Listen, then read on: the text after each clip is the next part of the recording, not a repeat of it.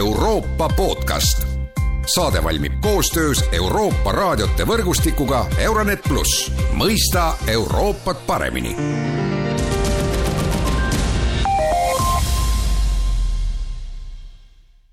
tere kuulama lõppeva aasta kokkuvõtet Euroopa podcastis. mina olen Erkki Pahovski.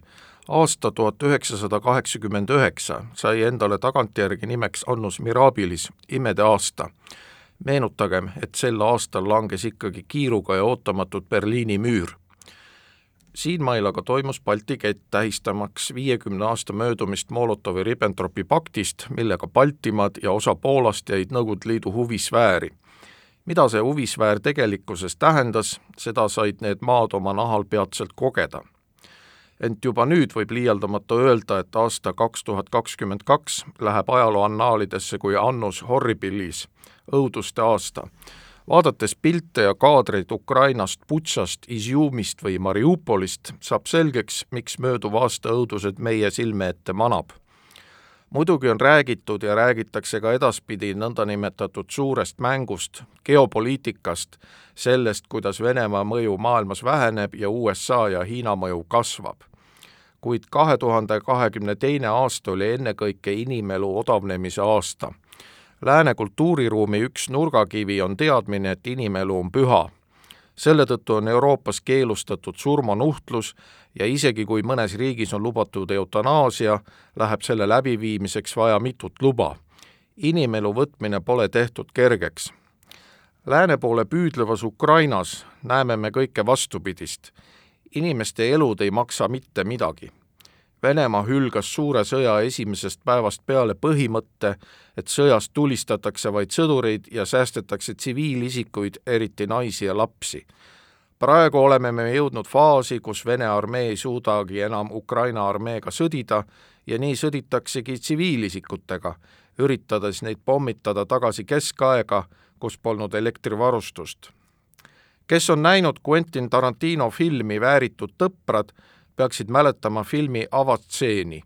selles teeb Christoph Waltzi kehastatud SS standartenfüürer Hans Landa õnnetule Prantsuse farmerile selgeks, miks on vaja hävitada juute, sest nood olla nagu rotid, kahjurid, keda ongi vaja likvideerida, et teistel parem oleks.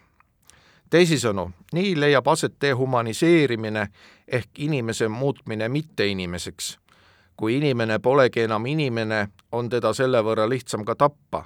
Lenin võrdles näiteks bolševike klassivaenlasi putukatega. küllap me oleme ikka oma elus mõne sääse või kärbse maha löönud ilma, et selle tõttu suurt kahetsust tunneksime.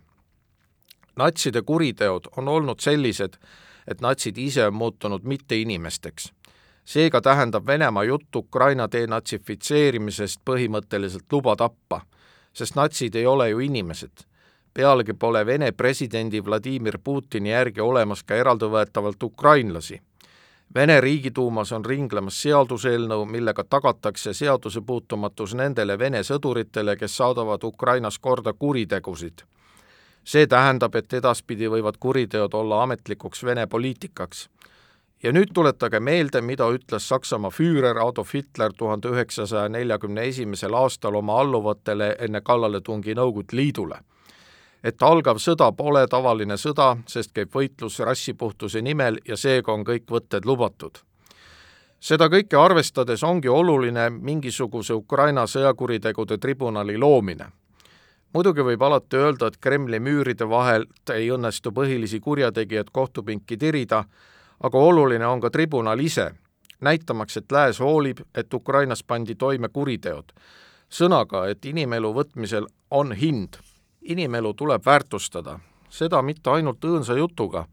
natuke kaheldav oli ikkagi Eurovisiooni pidamine sel aastal, rõõmupidu ajal, mil Ukrainas inimesi olematusse pommitatakse, ei tundu just sellena, et lääs hooliks inimeludest. samasugune teema on seotud ka sportlastega. kas tõesti soovib Rahvusvaheline Olümpiakomitee näha pilti, et samal staadionil võistlevad koos Vene ja Ukraina sportlased ja pigistada sellega kinni silmad Ukraina õuduste ees. suure tõenäosusega seda ei juhtu, sest Ukraina sportlased jätavad lihtsalt Pariisi olümpiale minemata. siit tuleb küsimus ka Eesti sportlastele, kas nad soovivad olukorras, kus Ukraina sportlasi ei ole ja Vene omad on, ikka säärastele võistlustele minna. kas need potentsiaalsed medalid on seda ikkagi väärt? Mis oleks Euroopa podcast ilma mõne sõnata Euroopa Liidu kohta? on selge, et lõppev aasta pani Euroopa Liidu samamoodi proovile, nagu seda olid varem teinud raha- ja majanduskriis ning rändekriis. seni on Euroopa Liit katsumustele vastu pannud. hinnang muidugi sõltub hindajast. aastaid on korrutatud mantrat, et Euroopa Liidul pole korralikku välis- ja julgeolekupoliitika. sõna korralik all tuleb mõista sõna ühine me näemegi, et Euroopa Liit kui tervik on suutnud oma sõnumeid selgemini esitada kui mõni Euroopa Liidu liikmesriik eraldi. kui võtta Euroopa Komisjoni presidendi Ursula von der Leyeni aastakõne ja tema visiit Ukrainasse, on see palju selgem ja jõulisem kui Prantsusmaa presidendi Emmanuel Macroni või Saksamaa kantsleri Olav Scholzi kõikuvad sõnavõtud Ukraina kohta kõik kolm, Euroopa Liit, Saksamaa ja Prantsusmaa, on pidanud tegema ikkagi peaaegu et täispöörde oma Venemaa poliitikas. eriti Saksamaa, kes on avastanud, et tema majandusseosed Venemaaga pole pidurdanud viimasel kallale tungimast oma naabrile.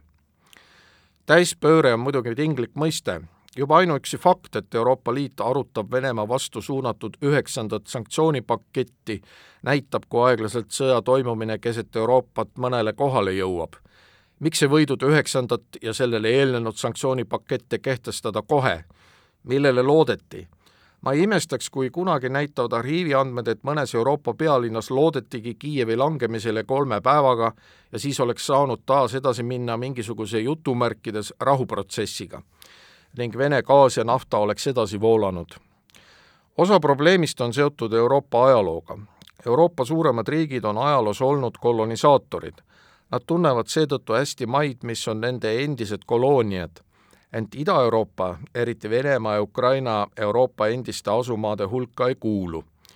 keskmisel eurooplasel on, keskmisel eurooplasel on seetõttu suuri raskusi vahet teha, kes on venelane, ukrainlane või valgevenelane võib-olla nüüd, kui Ukraina on Venemaale nii hästi vastu pannud, mõistavad nad, et Ukraina on omaette riik ja rahvus. nii nagu Alžeeria on midagi muud kui Tuneesia see kobamine Euroopa ajaloos tuleb välja ka suhtumisest teise maailmasõtta, mille pärandi näib olevat kaaperdanud Venemaa. nii lääne kui ka Vene poliitikad räägivad üle kahekümne miljonist Nõukogude kodanikust, kes hukkusid Teises maailmasõjas.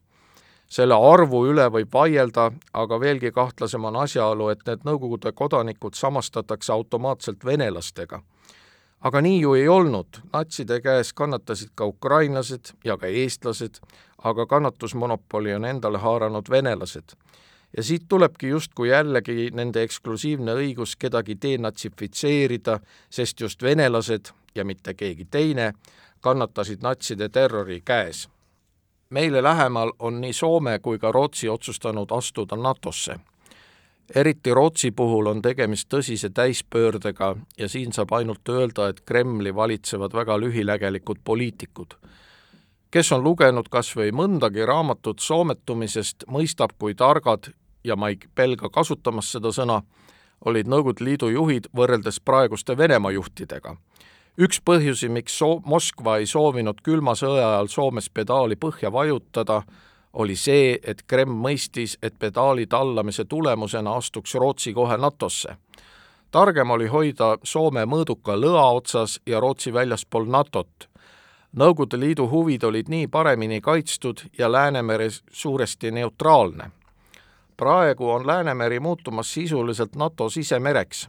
ei tundu just väga strateegilise mõtlemisena aastalõpp tuleb loodetavasti kõigil rahulik ja meeleolukas ei ole minu asi tõesti öelda, kuidas keegi uut aastat vastu võtab ja pealegi tahavad Eestis elada niigi paljud elada teiste elu, aga vähemalt kaaluda võiks ilutulestiku ärajätmist ja alles jääva raha andmist ukrainlastele. sest nii väärtustaksime ukrainlaste elusid ka meie, kes me tahame olla lääne kultuuriruumi osa. ja võib-olla saab sõda uuel aastal läbi, võib-olla